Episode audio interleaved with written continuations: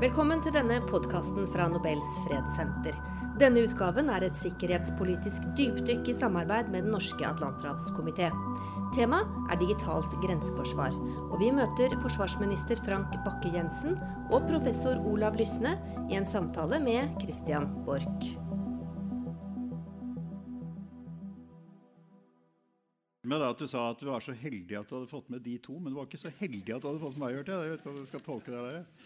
Men det, dette er altså velkommen. Dette er, eh, dette er, altså et dypdykk. da, Som det ligger i navnet, så er det i og for seg ikke lagt opp til. og Vi bruker jo normalt ikke å ha det heller en debatt etterpå, men i dette tilfellet så vi, gjør vi altså da eh, et unntak og åpner for noen kritiske kommentarer hvis ikke vi dekker alt her ordentlig. Det skal vi jo selvfølgelig prøve å gjøre, men you never know. Det er, veldig, det er veldig rart å stå her, for av og til er nemlig lyset så sterkt i taket at jeg ser ikke en kjeft av dere, men akkurat nå har jeg følelsen av at jeg er møtt med en veldig alvorlig forsamling. Det er liksom et sånt etterretningsalvor over forsamlingen her som var ganske spesielt. Uh, Kate antydet dette med at det er 20 år siden den gamle loven var, uh, var vedtatt. Det har altså uh, eksistert i 20 år.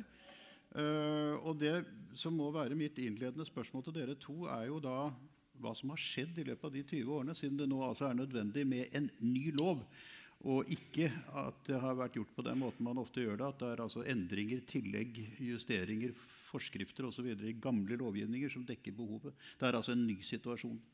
Vi begynner med deg, forsvarsminister. Ja, eh, takk skal du ha. Eh, eh, Vel, det som har skjedd, Teknologi er jo et stikkord i forhold til hva som har skjedd i løpet av 20 år. Hvis dere prøver å tenke dere tilbake 20 år tilbake også, og, og, se på hvordan dere kommuniserte digitalt den gangen, så, så da fantes det tastafoner. Vi hadde ikke den runde på telefonen ennå. Vi hadde fått knapper, men det var omtrent dit vi var kommet. Eh, elektronisk kommunikasjon og teknologi er det, det ene som har skjedd. åpenbart har skjedd. Det har gitt oss fantastiske muligheter. Norge er en av de altså, mest teknologiske landene i verden. Men det gir oss også en del sårbarheter. Det lager altså et nytt trusselbilde.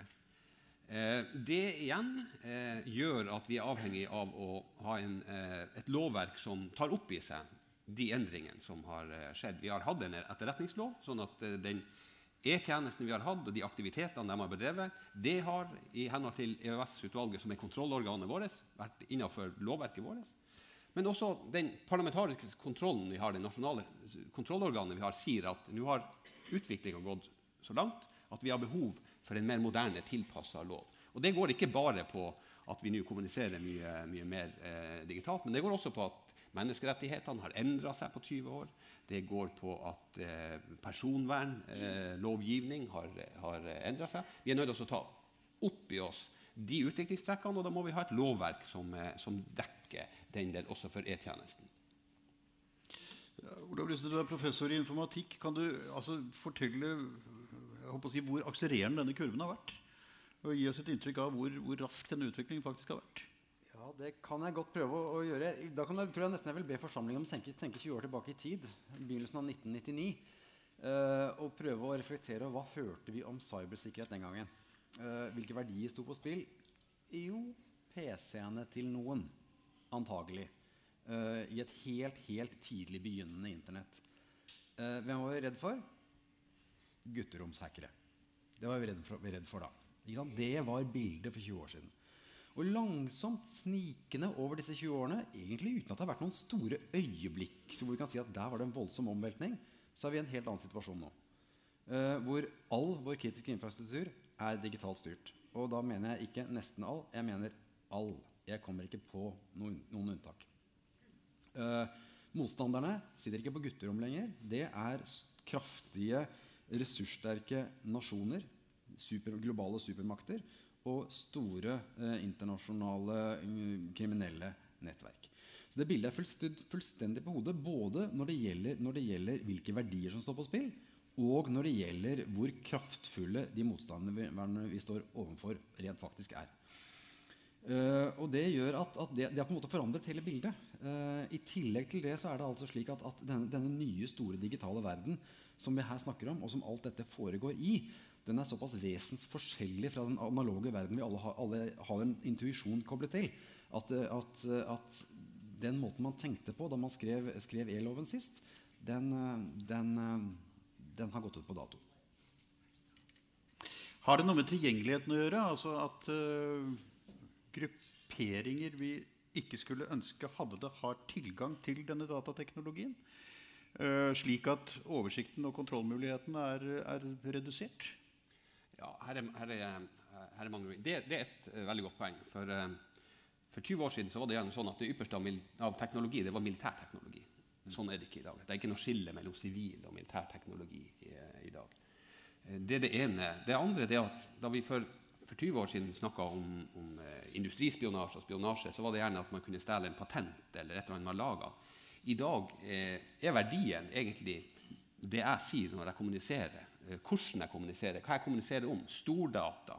Altså kunnskap om, eh, om individet Frank er i dag blitt noe som det er viktig å, å, å stjele. Og vi, vi, vi, ser ikke for oss altså alle truslene. Hva kan det være? Hvordan kan det brukes? Men det er viktig for oss å ha en e-tjeneste for oss å avdekke trusler mot Norge og, og nordmenn.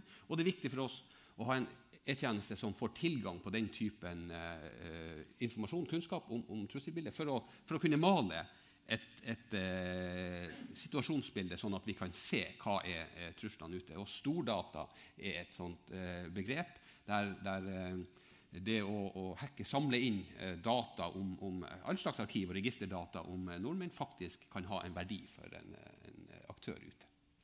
Kan du gi oss noen konkrete eksempler på hvordan spredningen av dette har vært, og hvem, altså hva slags type aktører som på en måte har eh, adgang til å bryte inn i nasjonale systemer og den type ting i dag. Og hvordan denne kommunikasjonen har på en måte vært brukt til ond hensikt.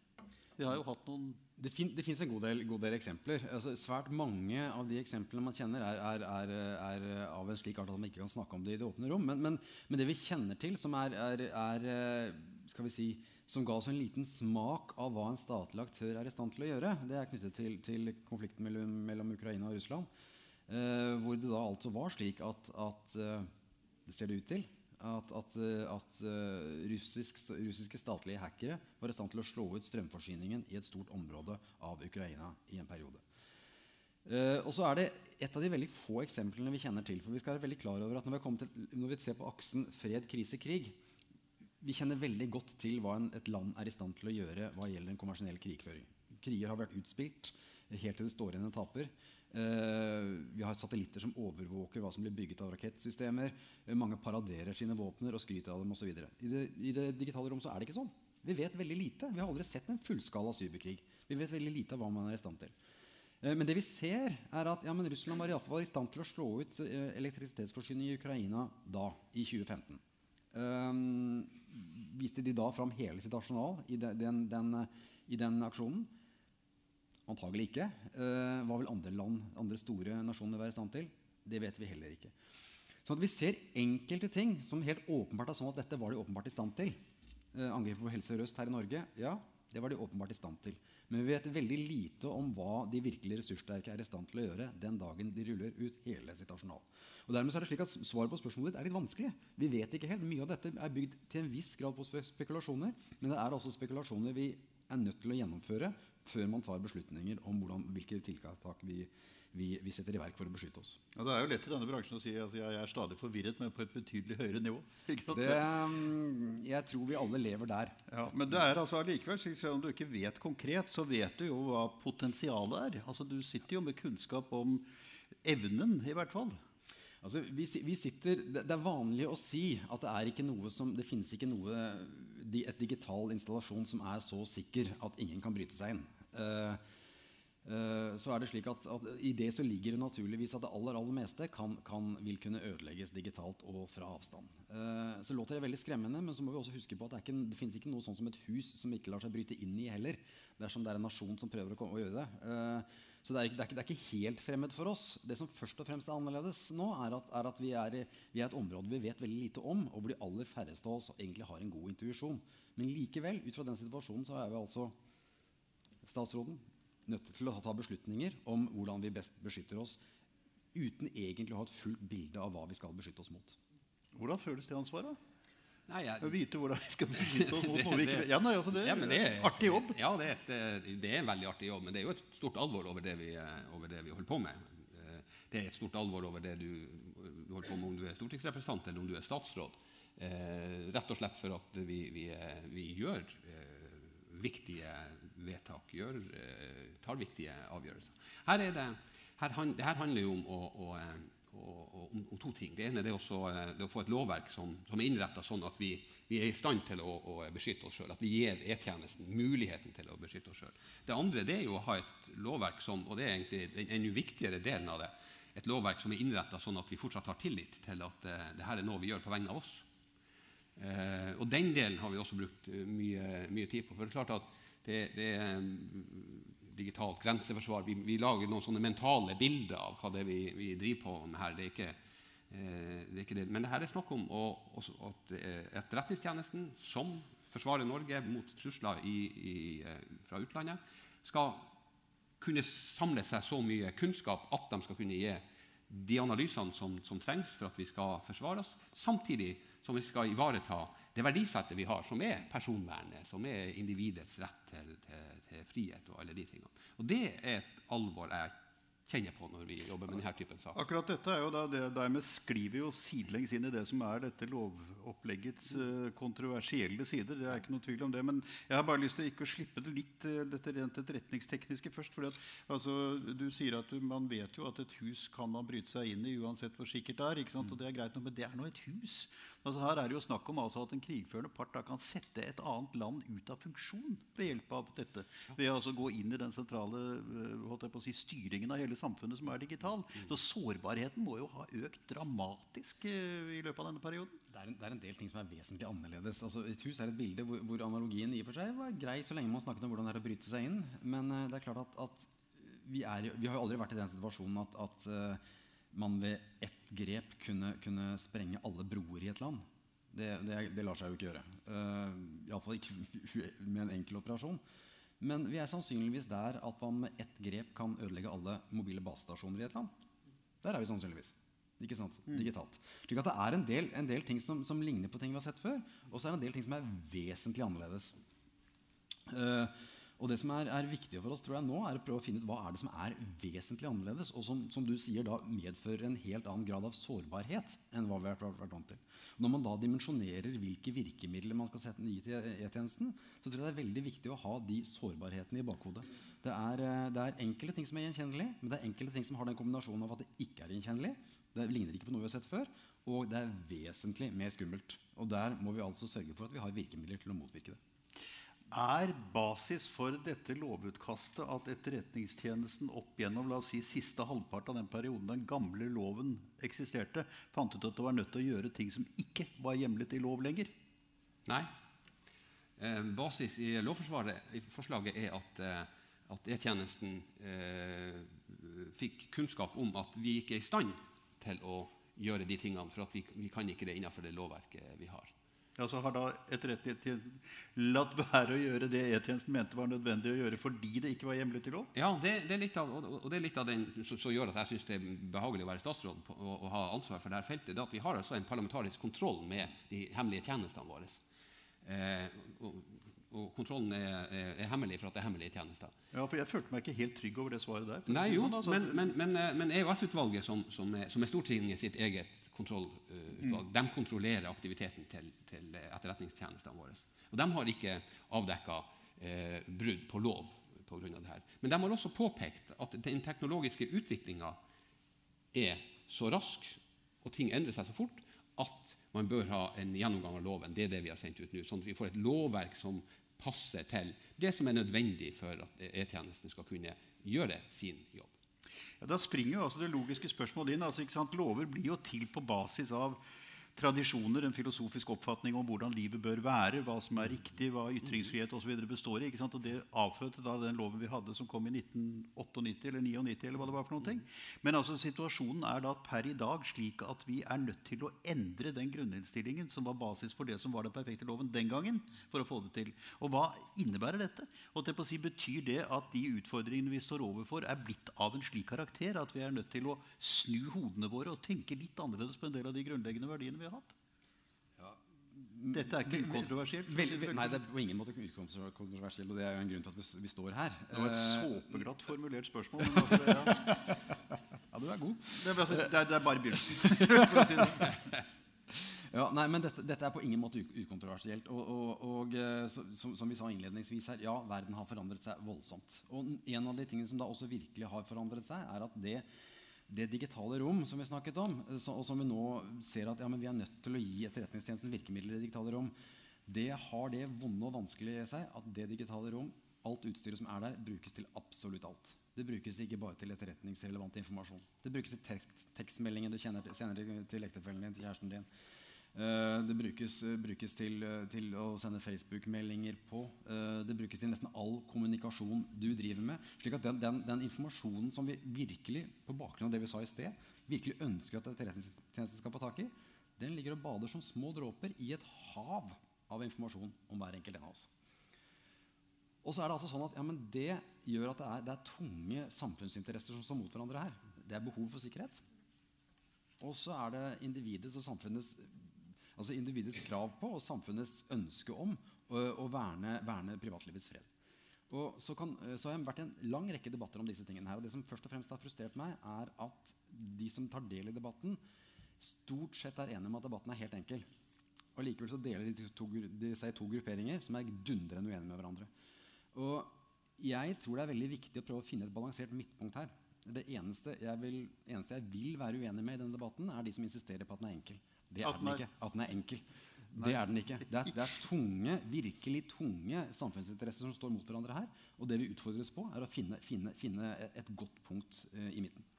Ja, altså, det, det var det med den morsomme oppgaven du har.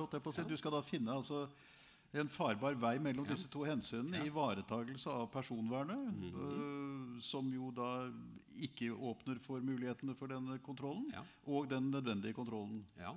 Eh, og eh, balans, balansere det at vi samtidig som vi, vi, eh, vi gir E-tjenesten tilgang på en del, en del verktøy, så skal vi også balansere det på andre sida med et lovverk og et kontrollorgan og, ramme det inn, sånn at vi, vi er helt sikre på at vi opprettholder tilliten til, eh, til myndighetsorganet. Altså, det er jo den, den, den, den, vanskelige, vanskelige saken. Sånn at når vi sier at vi, vi, har alle kontrollorganene og alle de her eh, filtrene og, og, og, og, gjerdene for for å ramme inn prosessen, så er jo det for at vi samtidig skal ha tillit til at det ikke blir misbruk, men til at det bare brukes til det det er ment å brukes til. Men det hjelper jo ikke det at, si, at du sier det, for kritikeren er jo Ja, men det hjelper, det hjelper at man diskuterer det, og man, det hjelper at man sier det mange ganger, og det hjelper at man diskuterer det i mange, mange settinger. For at det, det er eh, vi, har, eh, vi vet at vi har høy tillit til eh, det demokratiske systemet eh, vi har i Norge. Vi vet også at vi, eh, vi har god demokratisk kontroll med de, de hemmelige tjenestene. Og, og det må vi bygge videre på. Og da, sånn å, da må vi endre ting for å bevare den tilliten og den kontrollen og det verktøyet vi trenger når teknologien utfordrer oss. Og Det er den jobben vi er i, vi er i nå. Nå har vi sendt lovforslaget ut på, på høring. Jeg mener vi har, har eh, brukt, eh, brukt rystene eh, godt. Vi har samtidig stramma inn på enkelte punkt, endra og, og tatt noen grep for å, for å gjøre det enda, ennå, eh, mer solid av hensyn til, til personvernet. Samtidig som vi, vi, vi erkjenner at vi er nødt til å ha en en e-tjeneste. Vi er nødt til å ha denne typen tjeneste. Skaffe oss, ha tilgang på denne kunnskapen for å skaffe oss det forsvaret vi trenger. i forhold til de her. Altså det er et lite praktisk spørsmål der. Altså, så vidt jeg har oppfattet, så inneholdt Lysne II-utvalget et forslag om et eget forvaltningsorgan og en egen domstol for Etterretningstjenesten. Mm. hva var bakgrunnen for det? Jo, eh, altså, la, la, la bygge et litt større ramme rundt spørsmålet, eh, som, som er en oppfølgelse av det statsråden her sier. Eh, det etter hvert ble etter hvert min holdning da vi jobbet med dette, at, at det, å stoppe, det å si nei til at Etterretningstjenesten skulle få, få, få tilgang til det digitale rom, ble helt umulig. Uh, kort tid etter at vi leverte, leverte, leverte avhandlingen, uh, avhandlingen jeg, jeg er naturligvis da professor uh, leverte rapporten, så, så, så var, dukket det opp, opp, opp spekulasjoner om at en del demokratiske valg rundt om i verden var blitt påvirket gjennom det digitale rom. Og vi kunne ikke sette oss i en situasjon på vei inn i et norsk stortingsvalg hvor vi sier at ja, men E-tjenesten kan vi altså ikke be om å hjelpe oss her, for de skal ikke ha noe i det digitale rommet å gjøre. det skjønner dere alle sammen. E-tjenesten ville få det oppdraget å finne ut hvorvidt det norske stortingsvalget ble påvirket fra utlandet. Eh, jeg vet ikke om det skjedde, men jeg blir veldig overrasket dersom det ikke skjedde. Eh, så E-tjenesten må altså ha tilgang til det digitale rom på et, annet, et, på et eller annet vis. Og det vi da står igjen med, er ja, men hvordan rammer vi dem da inn? Ikke sant? Så jeg tror at, at, akkurat som statsråden sier, det som kan redde oss i den situasjonen og den, det ufattelig vanskelige spørsmålet vi står overfor, det, det, det, dreier seg ikke om å si nei og sette nei som en barriere, for den barrieren er nødt til, nødt til, nødt til å falle. Uh, vi kan ikke holde si, si, at, si at, eh, at, at, digitale rom skal være et sikkerhetsfritt rom. For det er blitt altfor viktig. Men det vi kan gjøre når vi slipper dem til, er å være veldig veldig nøye med hvordan vi rammer dem inn. Og hvordan vi kontrollerer at de holder oss innenfor. Og jeg tror at Når vi nå er på vei inn i en tid hvor det blir økonomisk og teknologisk mulig å overvåke samtlige borgere i et land 24 timer i døgnet, absolutt hele året, det er dit vi er på vei. Ikke sant? Og vi skjønner alle sammen at vi aldri har vært der før. Og vi skjønner også alle sammen at med en gang vi passerer den grensen, så kommer vi for alltid til å være der. Eh, vi er den generasjonen som utsettes for akkurat det skillet. Eh, men jeg tror at det eneste som kan hjelpe oss, det er ikke å si nei. For det blir for viktig, det som skjer der. Det som kan hjelpe oss, det er altså, er altså kontrollmekanismene. Så vi må ha all debatt rettet mot hvordan er det vi egentlig får kontrollert dette her. Og så kommer spørsmålet ditt, som er, er Vi foreslo en, en, et særorgan. Og vi foreslo et, en, en, domstol. Det vi først og fremst var opptatt av, det var, var å ha tre, tre former for, for, for, for kontroll. Eh, en domstol som kunne ta forhåndsbeslutninger om det som var mulig å beslutte på forhånd. Et tilsyn som fulgte med underveis absolutt hele tiden for å se at, at alt blir gjort riktig. Og en etterhåndskontroll av Stortingets EOS-organ. Og så er det blitt litt, gjort litt annerledes enn vi foreslo. Disse tre funksjonene er der fremdeles. Eh, domstolen er blitt, eh, blitt, plassert i Oslo tingrett. Ingen synspunkter på det. Eh, Samtidstilsynet er blitt plassert inn under EOS-utvalget. Eh, grunnen til at vi hadde det, hadde det, plassert under Samferdselsdepartementet, var rett og slett at vi ønsket at disse tre organene skulle være under hver sin statsmakt. Altså, sånn for å unngå sam, samsnakking. Eh, men jeg har ikke all verdens synspunkter på det heller. fordi E-tjenesten ligger jo da under regjeringen. Da er de kontrollert av domstolen og av Stortinget. ingen dårlig, dårlig, dårlig løsning, det heller. Sånn at, at ja, det er riktig at det er endringer der, men jeg oppfatter ikke de endringene som noe som substansielt endrer det rådet vi ga. Eh, det er en strukturell endring som jeg tror egentlig ikke svekker, svekker dette vesentlig. Hvordan, hvordan, forklarer du det? Nei, vi, vi, vi mener at EOS-utvalget er et veldig godt uh, verktøy. Og så mener vi at denne, det å, å, eh, legge også ansvaret for denne kontrollen inn under EOS-utvalget, styrke EOS-utvalget, det er den riktige veien å gå for å, for å uh, kunne peke på et, et, et solid kontrollorgan. Og EOS-utvalget ligger direkte inn under Stortinget, så vi mener at da har vi en god parlamentarisk kontroll. Men Var det en diskusjon om dette med særdomstol? Ja, vi har, ja da, vi, vi, har vurdert Når det gjelder det at vi har valgt uh, Oslo uh, tingrett, så handler det rett og slett om å bygge opp kompetanse hos en, en, uh, en domstol på det.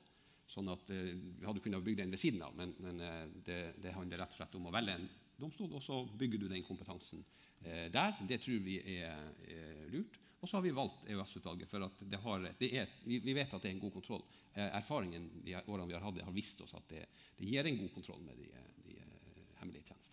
Altså, vi snakker, om, vi snakker om, om, en datastrøm som går fra utlandet inn i Norge og vice versa. altså En kommunikasjonslinje her. på en måte, og Det er vel det som gjør at situasjonen er litt annerledes enn den har vært i andre sånne konvensjonelle i hvert fall sånn strukturelle måter å tenke på. fordi at altså Nasjonalstatens autonome suverenitet, altså sant, lukkethet, den er ikke en enhet i den forstand lenger som den en gang var.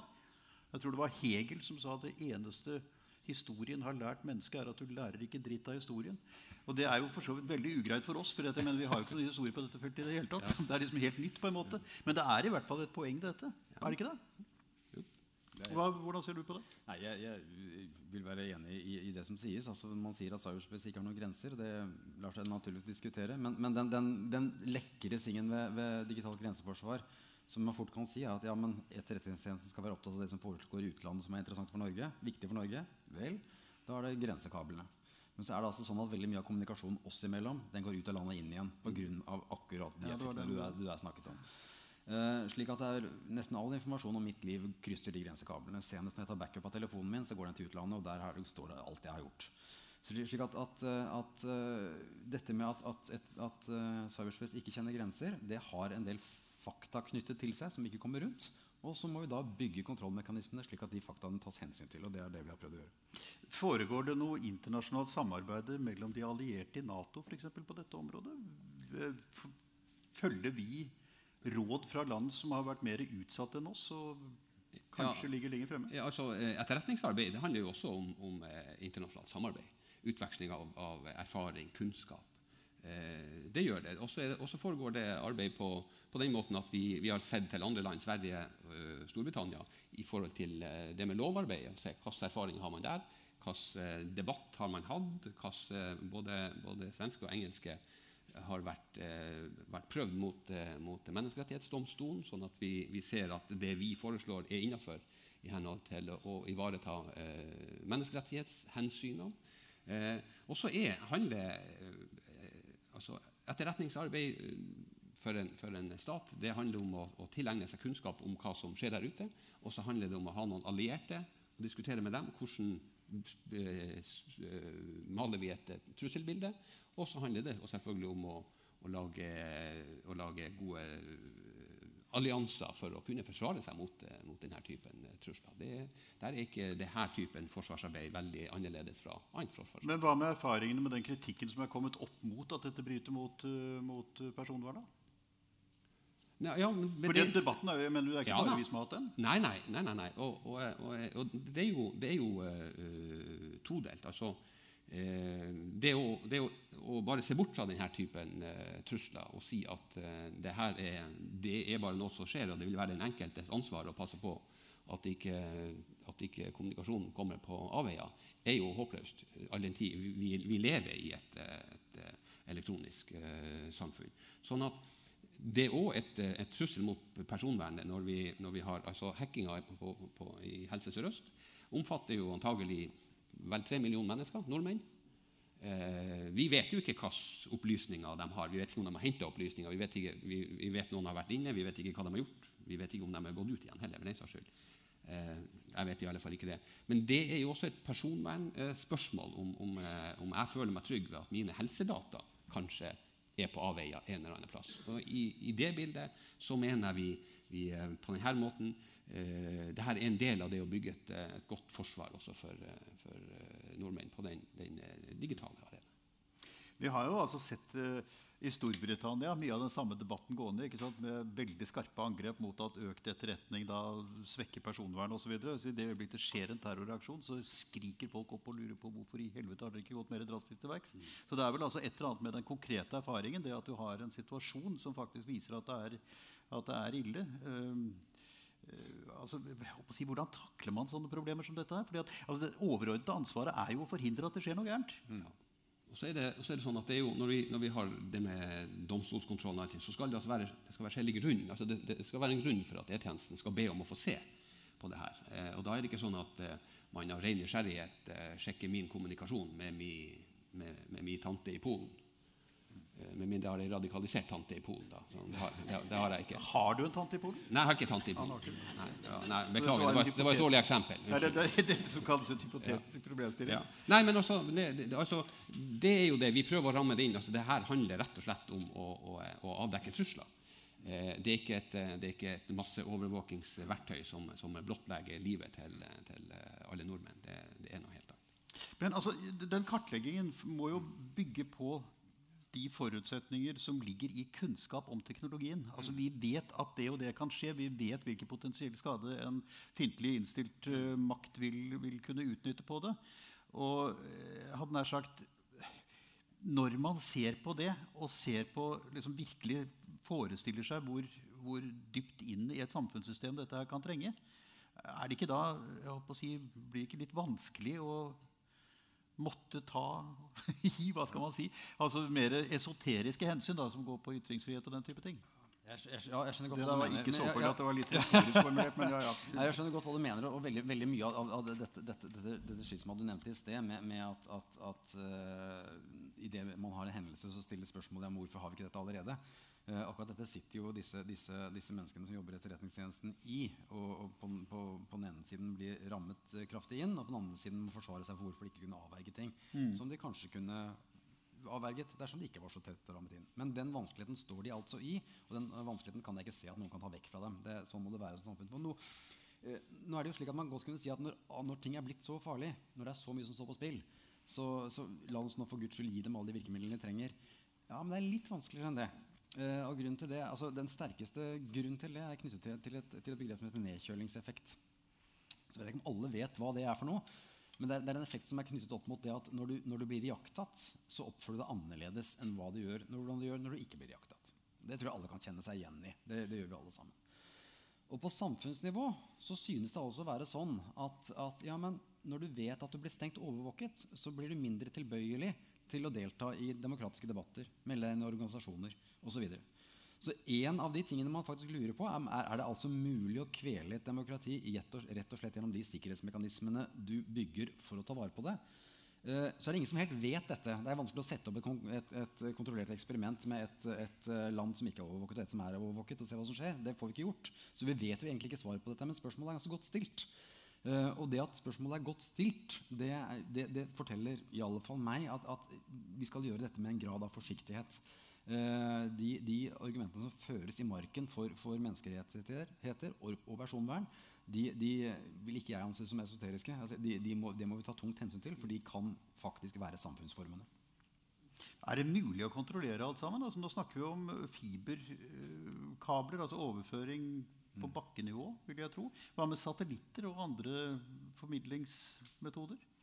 Ja, denne, denne, loven som, som, kommer nå, den dreier seg først og fremst om kabelbasert. Ja, som ja, du sier, og, og, Mulig å overvåke alt sammen? Nei, det er det ikke. Heller ikke alt sammen som kommer i kabel.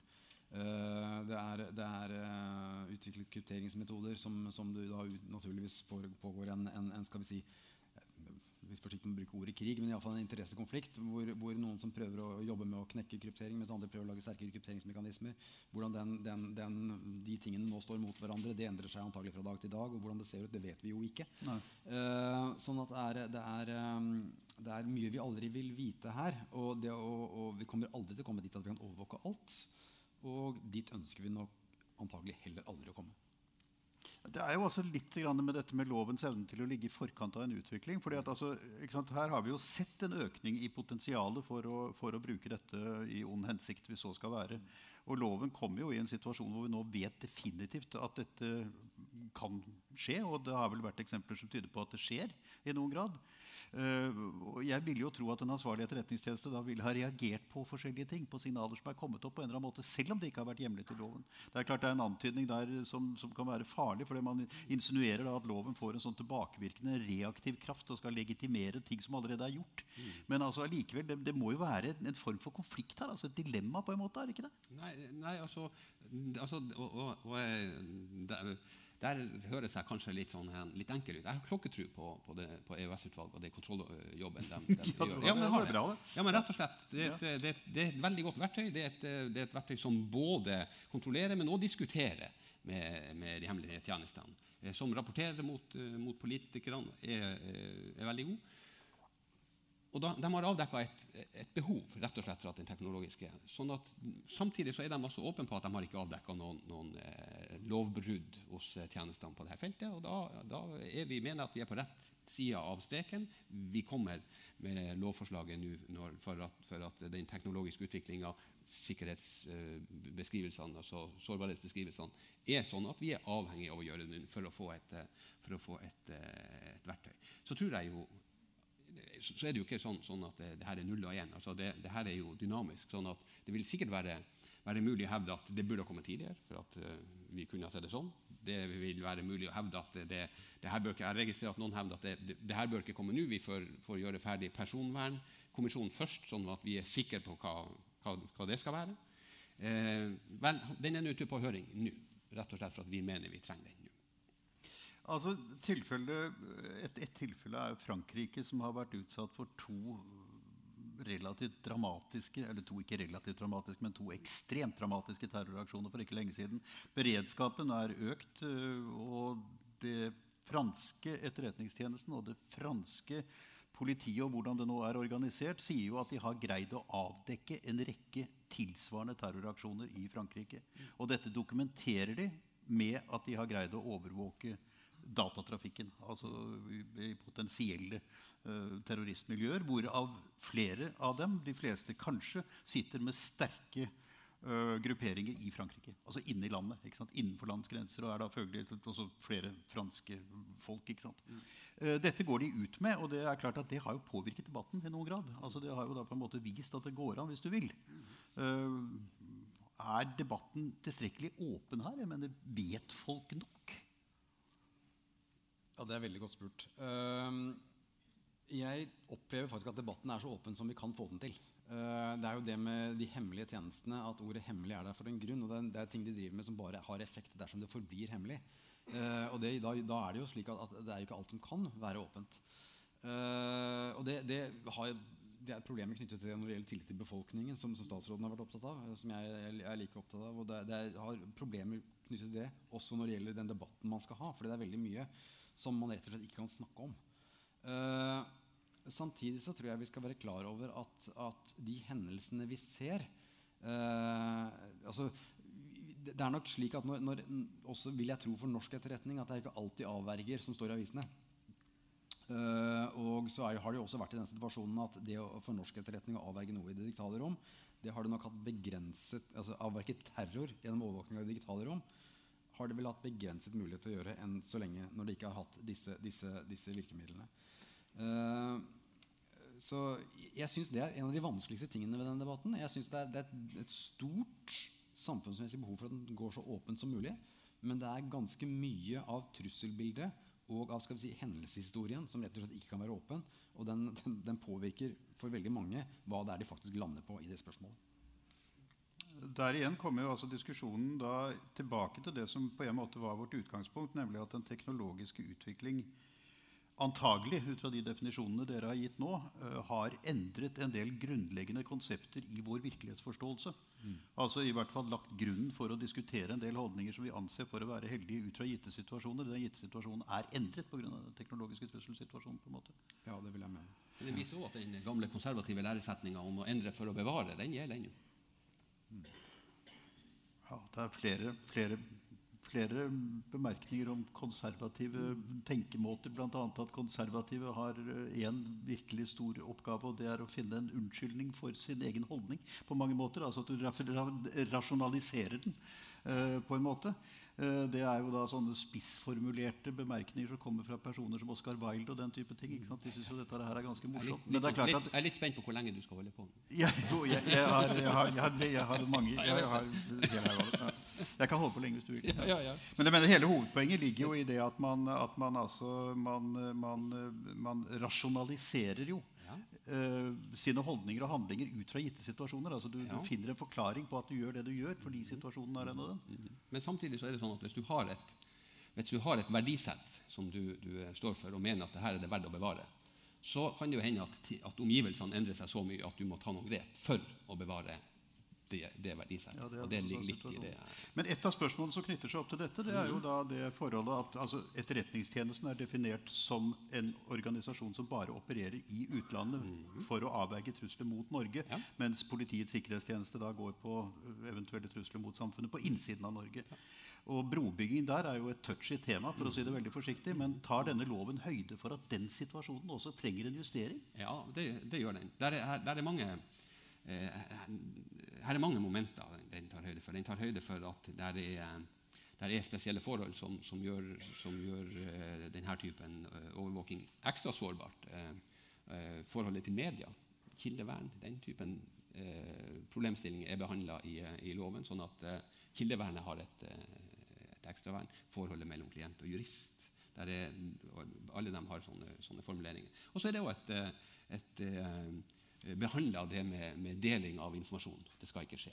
Det skal være helt spesielle tilfeller hvis man skal kunne dele informasjon eh, internt. Sånn at dette er en lov og et verktøy som skal sette oss i stand til også å forsvare oss mot trusler utenfra. Men hvis nå Etterretningstjenesten oppdager at det er kommunikasjon mellom en farlig gruppering i et utland og en eller annen kilde i Norge, vil mm. ikke da Etterretningstjenesten kunne si fra? Jo, da vil man kunne si. Altså, hvis, du, hvis, hvis, du avdekker et uh, terrorforsøk i Norge, så skal man selvfølgelig Har ikke Politiets sikkerhetstjeneste lov å gå til Etterretningstjenesten og spørre om uh, et forhold som angår en person som bor i Norge, eller en organisasjon i Norge, Nei. som de tror har kontakter ute? Nei.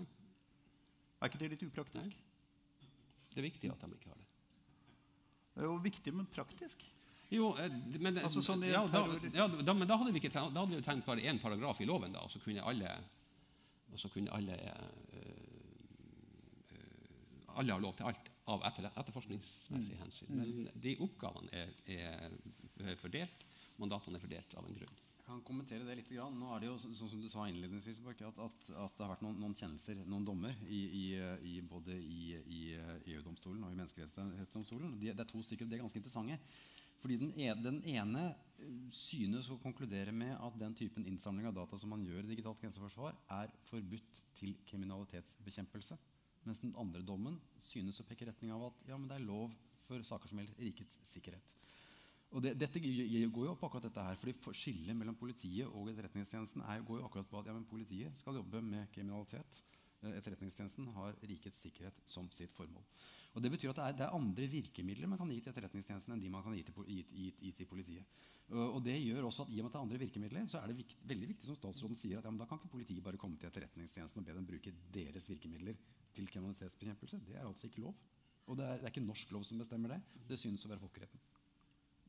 Internasjonalt, altså et, et regime som gjelder, eh, gjelder den demokratiske verden, kan du si. Ja. Ja, akkurat. Hvis jeg har forstått jussen riktig, men jeg er en sølvet teknolog. eh, dette er det jeg har prøvd å, å lese meg fram til. I alle fall så er det politiske verktøyet ment sånn. Men altså, vi er jo tilbake til denne balansegangen hele tiden. Da, for det, det er jo en viss risiko for at prinsippene og de rent uh, ideelle forestillinger kan komme til å kalkvele effektiviteten til overvåkningsapparatet her. Og det er, jo, det er jo altså da slik at den nye situasjonen som vi snakker om, sant, som har utviklet seg i løpet av denne 20-årsperioden mellom de to lovene, er av en slik karakter at det har skjedd. Altså dette er endret. Ja, hvis du har en gammel lov som ikke gir tjenesten hjemmel for oss å ha dette verktøyet, så kalkveler du tjenesten. Derfor har vi kommet med en ny lov nå. Det er for oss å kunne ta opp i oss de, den, de, den utvikling, det utviklingsbildet som har vært, og ha en lov som gjør at vi kan ramme inn denne typen tjenester også. I forhold til eh, folkerett, i forhold til menneskerettighetene. forhold til. Men det er jo bl.a. akkurat den avgrensningen ikke sant, med retten til å dele informasjon mellom de hemmelige tjenester som har skapt ramaskrik i Storbritannia Norge og gærent. Mm. Og da tar debatten plutselig en annen vending altså, med en gang du får dette midt oppi, midt oppi fanget. Ehm, er, det, er det løpende internasjonal kontakt om disse spørsmålene? Er det slik at man eh, har altså Jeg går ut fra at i din bransje, som jo er ganske internasjonalisert, så vil tilgangen på informasjon om kapasiteter være til stede. Men det være, er det tilsvarende innenfor Nato-systemet f.eks.? At man vurderer Ja, altså det at man deler etterretningsinformasjon, er jo vanlig mellom, mellom eh, partnere. Det, det er vanlig. sånn at det diskuteres. Altså, eh, på, på mange av spørsmålene så, eh, så er det så, så, altså, På mange angrep utenfra mot Norge så kan vi sikkert få informasjon hos det fra andre etterretningstjenester. Mm. men litt av problematikken da, er jo at da er vi avhengig av at vi har eh, noen venner der ute som eventuelt samler inn det som, som, eh, som vi trenger. Og så kan vi få det overskudd fra, fra dem. Vi eh, mener at det her gjør vi Vi forsvarer Norge best sjøl, derfor er det vår E-tjeneste som da skal ha det her verktøyet og kunne samle inn de tingene. Er det et samarbeid mellom forskningen og øh, de som sitter på sikkerhetssiden? Og, altså jeg tenker både på etterretningstjeneste, sikkerhetstjeneste, politi osv. Internasjonalt? Eh, Noe finner man, eh, men det er, nok, det er nok mindre av det enn hva man skulle tro. Eh, og når man kommer inn i, i sikkerhetstjenesten, så er man såpass nøye med, med hvilken informasjon som lekker ut, at det er nok mer både informasjon om folk som går inn, enn det er informasjon som lekker ut av, av disse systemene. Men jeg har lyst til å kommentere litt det, det, sa, det, det statsråden sa i sted, med, med, med at man får informasjon fra samarbeidende stater. Eh, knyttet til digitalt grenseforsvar så skal vi også være klar over at Sverige har noe sånt allerede. England har noe sånt allerede. Finland er på vei til å få det. Eh, Danmark er litt interessant, for de innrømmer ikke at de har det. Men de som leser de dokumentene som Snowden friga, ja, det har de nok. Vet at de har det likevel. Eh, eh, det er vel ingen her som tror at Russland ikke har det. Og da har jeg altså ramset opp alle landene som disse kablene går inn i. Og Det betyr at alle kablene inn og ut av Norge blir overvåket av etterretningstjenester, men ikke av den norske. Og de fleste av dem av etterretningstjenester som man samarbeider med. Eh, det er en situasjon som man må være klar over. Det betyr at det er ikke sånn at, at norsk etterretning er helt blinde og aldri får noe informasjon fra disse kablene. De får noe. Men det vi skal være klar over er at de får det uten at det skjer under norsk jurisdiksjon og med norske kontrollmekanismer. Det skal man være klar over. Eh, og For meg så har det vært en av motivasjonene for å lande på det standpunktet jeg til slutt gjorde. At ja, men dette er viktig for dem å ha, det er én ting. Men jeg er også veldig opptatt av, for jeg ser de potensielle farene ved dette, at ja, men da skal det skje på norsk jord og under norsk jurisdiksjon og under norsk kontroll. Og det er én av grunnene til at jeg landet på det standpunktet jeg landet på. Du kan ikke være uenig i det der? Nei, si. Det går vel nesten nei. ikke an. Nei, Selv om nei, jeg, prøvde, jeg prøvde å mobilisere en, Nei. motspørsmål, men Ja. det, det, det, Men det er jo, litt, det er jo motivasjonen og begrunnelsen for, for det lov, lovutkastet vi har på høring. Du sier at det er en utveksling av etterretning. Det er vel en slags tradisjon at man ikke er eh, veldig slepphendt med å utveksle etterretningsinformasjon? Altså De fleste land er Ja. ganske selektive hva de deler selv med sine beste allierte. Jeg tror alle E-sjefer vil svare nei på spørsmål om det lekker utenat. Det er nok sånn at Ja. man deler informasjonen. Men det er klart at det er en, det er, det er en, eh, en eh, vare som deles mellom, mellom allierte. Ja. Dels fordi at man altså ikke har muligheten for å verifisere den informasjonen man får fra andre lands etterretningstjenester. Fordi, og dels fordi man ikke kjenner kildene. Ja. Ja. Og, og, og dels for at eh, man, man Eller det, det her er jo, det her, det er jo følsom som, eh, informasjon, det her, og da bør man vite hvor det kommer fra. hva det er. brukes. Det er jo altså et eller annet med at eh, en trussel vurderes eh, som en kombinasjon av kapasitet til å gjøre noe og vilje til å gjøre noe. Og Spørsmålet er jo da hvordan analyseapparatene har utviklet seg i takt med den teknologiske utviklingen. Altså Hvordan vurderer man viljen til å bruke dette hvis man har et potensielt eh, kraftig slagvåpen? eller undergravende våpen da, i en konfliktsituasjon f.eks. Er, er analyseapparatet på, på riktig fold der? Veldig vanskelig å besvare. Det fins sikkert mennesker i etterretningstjenesten som kunne gi et veldig konsist og godt svar på det. Eh, men de ville neppe stått her og sagt det. Eh, jeg vil vel litt tilbake til altså, Den lille tanken jeg har gjort meg rundt dette, er at ja, men dette her vet vi veldig lite. Litt som jeg sa innledningsvis, at, at kapasitetene som både finnes til, til cyberkrigføring, vet vi lite om. Vi har ikke sett noen fullskala cyberkrig ennå. Vi har bare sett enkelte trefninger, og da vet vi veldig lite om, hva som er mulig. Når det gjelder viljen til å gjøre det, Igjen, eh, jeg tror det er folk i Forsvaret som kan vurdere det bedre enn meg. Hvordan dette vil kunne brukes strategisk i en krigssituasjon. Eh, vanskelig for meg å vurdere. Eh, det vi ser, er at ja, det har vært brukt. Over Ukraina er det tydeligste eksempelet på at det har vært brukt. Eh, men, men eh, sånn at viljen er i alle fall i, Det er ikke sånn at den er ikke-eksisterende. Den er der. Eh, hvor, hvordan dette vil rulles ut i en ekte krisesituasjon, jeg er ikke i stand til å begynne å gjette. Kan du si det? Altså Hvordan, hvordan fungerer etterretningstjenestens analyseapparat? Nei, det kan jeg ikke fortelle deg. Vil du ikke? Nei, det, det vet jeg ikke. Nei, akkurat, ok. Men det, det er jo et poeng. fordi at det er jo altså da slik at man er nødt til å vurdere en lang rekke faktorer som Ja. springer utover selve evnen. altså Dette så vi jo i den mer klassiske tiden. ikke Men det vi, kan, det vi overordnet kan si, det er jo at vi har en bra etterretningstjeneste. Det, det, det vi vet, er at vi har jo eksempler fra at vi har hatt styrker i utlandet. Vi har god etterretning med dem. Vi har altså, eh, det, det er en, en dyktig tjeneste. De gjør dyktige eh, analyser. Vi vet at vi har berga livet til norske soldater ved hjelp av god E-tjeneste når vi har vært, vært ute. Jeg forutsetter at vi har samme profesjonaliteten og kapasiteten og kompetansen på analyse av denne typen, eh, av denne typen data. data. Altså, vi har, du nevnte dette med Ukraina og Russland, hvor vi så det ganske klart. eh, Men nå har det jo altså vært et par episoder i Norge. Du hadde det med, med Helse Sør-Øst, som jo rystet oss litt. Og vi hadde en sak i dag om fylkes, innbrudd på Ja. fylkesmennenes ja. det- Dette er jo i hvert fall da Det viser jo at det er en kapasitet for å gå inn. Vet Ja, ja. man noe om hvem det er som står bak der? Er det Ja, det, øh, det vet jeg ikke. Men, men her er også litt sånn, sånn for at nå snakker vi om, om, også om teknologisk forsvar, og det er det jo med Nasjonal sikkerhetsmyndighet som, som, eh, som jobber med. Vi, vi jobber mye der òg med å, å installere eh, teknologi som gjør at vi skjermer denne typen eh, datasystem mye mye bedre. Men vi, vi utviklinga går fort, og vi, har, eh, vi, har, eh, vi er et heldigitalisert eh, samfunn, sånn at vi er sårbare. Det, det, men det, det gjøres en stor jobb også, også der. Eh, det som slår meg, det er jo at vi, det her handler også om å, å sette oss i altså, endre oss litt mentalt. Eh, Det er vel bare halvannet år siden, tror jeg, vi hadde en ganske stor sak om, om eh, eh, store dataproblemer for at ganske store organisasjoner ikke hadde oppdatert Windows-programvaren sin. Altså, sant? Noe som, helt elementære grep som man bare bør ta. Det var kommet en oppdatering, og så gikk det halv, to og en halv uke, og så, var det, så viste det seg at her var det et hold. Man måtte oppdatere på nytt. Det ble ikke gjort, og man utsatte seg for, for sårbarheter. For at, og Det tror jeg er den, den vanskelige delen eh, i det her. Vi må, mentalt må vi være klar over at vi, vi er så digitalisert som vi er nå, så er vi også sårbare. Og så får vi trene på alle felt hvordan vi skal, eh, skal trygge oss. Og så må vi også i den, i den sammenhengen ha et, et lovverk som, som, er up to date og, og gir oss de verktøyene vi trenger i fremtiden. Det er, bare, det er, ikke bare, utviklingen som går fort. Klokken min går også forbausende fort der. altså Den surrer rundt og rundt, for å si det sånn. Eh, jeg har ikke lyst til å slippe dette eh, altså vi, vi, Det vi har snakket om, er jo da den digitale trusselen, den nye situasjonen og de anbefalingene som er kommet i den nye loven når det gjelder det. Men inneholder loven, lovutkastet om Etterretningstjenesten også noe om klassiske metoder? Jeg tenker på den gammeldagse spionen med hatten ned i pannen og opprettet jakkekrage som lusker rundt gatehjørnene. Ja.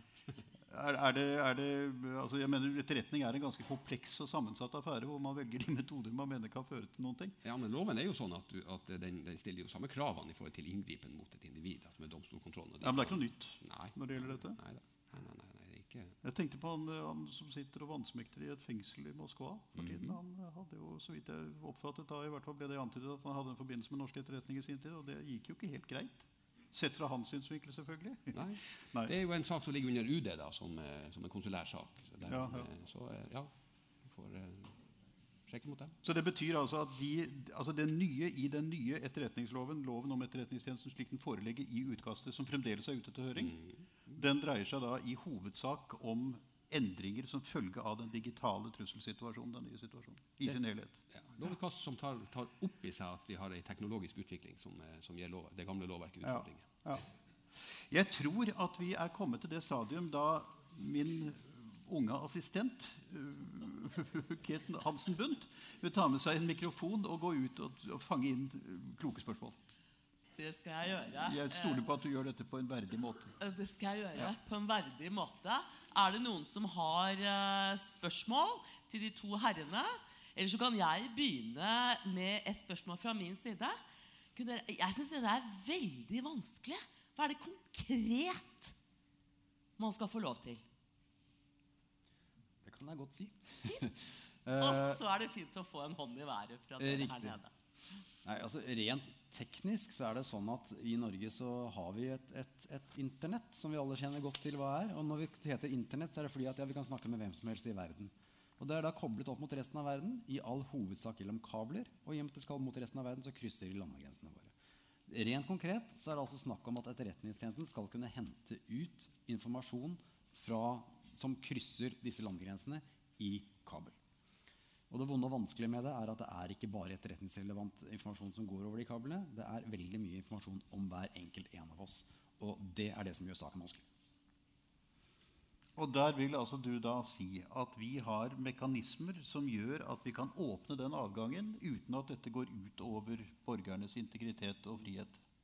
Ja, altså, det, det her kunne teknologen ha, ha dosert enda mer om, for at han er bedre enn meg til å forklare det. Men jeg kan prøve, og så får han fylle på. For at det her handler om, om å, å, for det første handler om å gjøre søk i metadata. Vil si at vi gjerne vil vite hvem som sendte en melding dit, og når. Eh, du brukte eksempelet konvolutten til meg en gang tidligere. at Det man, det man samler inn, det er altså det som er på yttersida av konvolutten. Det er navnet, det er når det ble sendt, og det er hvem det ble sendt og så eh,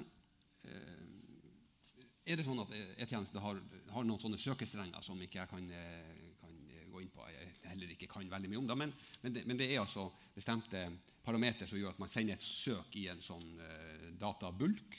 Og så kan du da hente ut du får ut informasjon om de og de og de tingene, og så kan du gjøre analyser på bakgrunn av det og andre ting du eventuelt vet om denne hendelsen. Det er, en, det er, jo en, grunn til at du ber om å få lov å gjøre de, eh, de søkene. Eh, da har man mistanke om et eller annet eh, rart. Så legger man den informasjonen på bordet, så får man lov å gjøre et sånt søk. Og så kan kanskje det treffe i forhold til noe annen informasjon man har, og man kan på et vis fortelle en historie rundt den og den personen. eller den og den. Men Kritikken mot systemet går altså ut på da setter myndighetene seg i en situasjon hvor de kan overvåke den private trafikken også. og Det vil du da si at vi har kontrollmekanismer som hindrer? Ja, for det første så, så, så Eh, så er det sånn at det filtreres.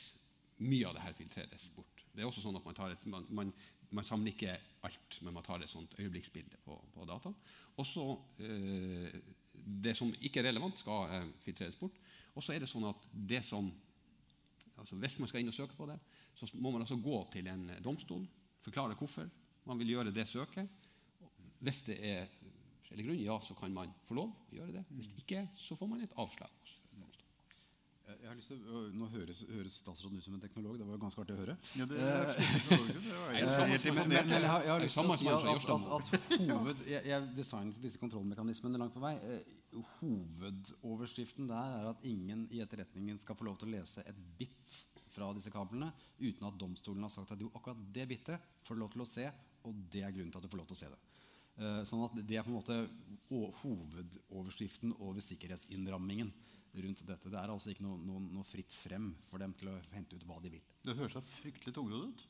Det er tungrodd, men vi anså det som nødvendig. Og så Da vi spurte om det, dette fremdeles ga etterretningsmessig verdi, så beit etterretningstjenesten seg litt i leppa før de sa ja, ål- ålreit, da. Eh, eh, noe i den retning. Ja. Hei, Martin Beyer. Jeg jobber med informasjonssikkerhet i Drammen kommune. Jeg vil litt inn på den tilliten igjen. Eh, først og fremst, Hvordan skal dere unngå formålsutglidning? Unngå. Formålsutglidning. Det er jo da ja, et eh, spørsmål til deg, er det ikke det? Jo, egentlig.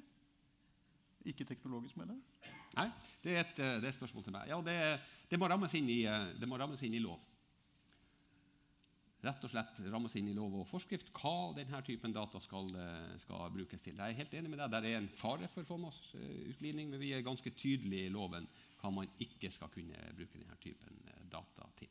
Så er det noen, eh, eh, noen eh, lovverk som, som, eh, som rett og slett pålegger E-tjenesten tjenesten å varsle hvis man finner noe. Det må man, må man godta, men, men eh, formålsutglidning er en fare, og derfor er det også ramma inn i lovverket, sånn at eh, vi skal unngå det. Men altså, utglidning er jo da for så vidt et, et, et kritisk ladet ord. på en måte, og Spørsmålet er jo om situasjoner endrer seg såpass raskt at du kan si at formålet også skifter. Om ikke karakter, så i hvert fall på en måte innhold og tone. Og da vil du også kunne definere det som formålsutglidning uten at det nødvendigvis behøver å være det, kanskje? Altså Det er ganske tynne Det er det jeg vil frem til, er at det er ganske uh, diffuse overganger her og grenser. Nei, det, er- det er ikke ganske diffuse overganger og grenser. Det er ganske klare grenser. Når vi, den diskusjonen vi hadde om, eh, om eh, hva E-tjenesten skulle gjøre, kontra hva Politiets sikkerhetstjeneste skulle gjøre, det er altså trusler utenfra som skjer, skjer ute. Det er den ene. Det andre det at det handler om rikets sikkerhet, ikke kriminalitetsbekjempelse. sånn at det er satt opp sånne påler som skal hindre den.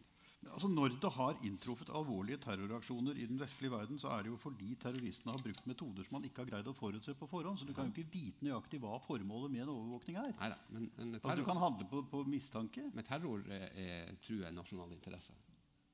Ja, Ja. det får en si. Ja, nei, men altså, dette har vi diskutert mye. Eh, Jeg har vært eh, i alle stortingsgruppene, bortsett fra Venstre sin, tror jeg, og, og diskutert dette. Og, og eh, svaret på det spørsmålet Det var ganske morsomt å svare, besvare det spørsmålet i Stortinget. For jeg sa at alle, alle saker om for- formålsutglidning havner jo her i Stortinget. Og hvordan den debatten kommer til å gå, kjenner dere bedre enn meg. eh, Og da blir det alltid litt sånn rart i rommet. Men det som har skjedd siden, det er jo at vi fikk disse to dommene, en fra, fra Menneskerettighetsdomstolen og en fra EU-domstolen, som gjør det helt klokkeklart. Det er, dette er ikke opp til norsk, norsk eh, myndigheter lenger å bestemme. Eh, vi har en dom på at eh, å bruke dette til kriminalitetsbekjempelse, som jo vil være første skritt i en formålsutglidning, det er altså ikke lov. Hvorfor var du ikke i Venstre stortingsgruppa? Jeg gikk dit jeg ble invitert. Det var ikke jeg som bestemte dette. Det var et spørsmål der, ja. Ina Lindahl Nyrud, eh, Norsk Journalistlag. Eh, forsvarsministeren var så vidt inne på dette med kildevern. Eh, og vi er jo da kritiske til hvordan departementet foreslår å beskytte journalisters kommunikasjon med kilder. Blant annet skal altså da E-tjenestesjefen selv avgjøre om slik privilegert informasjon skal behandles, som det står i utkastet. Men skaden er jo allerede skjedd når E-tjenesten avdekker hvem som er medienes kilder. Og Lysne var så vidt inne på dette med chilling-effekt. Eh, og ministeren nevnte at eh, han har klokketro på E- EØS-utvalget som etterfølgende kontrollør. Eh, hvordan skal da EOS-utvalget kontrollere den langsiktige, nedkjølende effekten inngrep i kildevernet vil ha? Ja, det er et godt spørsmål. Det, Ja, det er- og, det, og det er et viktig spørsmål, rett og slett for at her er de, de, de kompliserte. Det er ikke sånn at eh, E-sjefen sjøl bare skal avgjøre det. Han skal også rapportere til EØS-utvalget. Så det er et tilfelle som skal kontrolleres hver gang. Eh, også er kildevern eh, vanskelig. Vi, vi, det, det, er et, eh, det, er et, dilemma. Men, men eh, all den tid vi, vi, rett og slett mener at vi ikke kan unngå denne typen verktøy, så får vi ta de problemene som kommer der, med, med de eh, verktøyene vi kan. Og vi mener vi har ramma det ekstra inn. Men, men, spørsmålet er jo altså om man skaper en eller annen form for angst og tilbakeholdenhet. Uh, og vi har vel altså da for så vidt har en del undersøkelser som tyder på at folk i, i land hvor disse tiltakene er satt mer drastisk til verks enn de er hos oss, har altså på en måte blitt mer tilbakeholdne. Sier at de er det. At de er mindre frimodige i sine ytringer. Og kilder vil jo da være ganske sårbare i veldig veldig mange situasjoner. Mm. Ja, Samtidig som eh, hvis vi ikke hadde noe, noe eh, rammer rundt det, så vil jo det være en, en eh, galant måte å gå rundt denne typen kontroll på.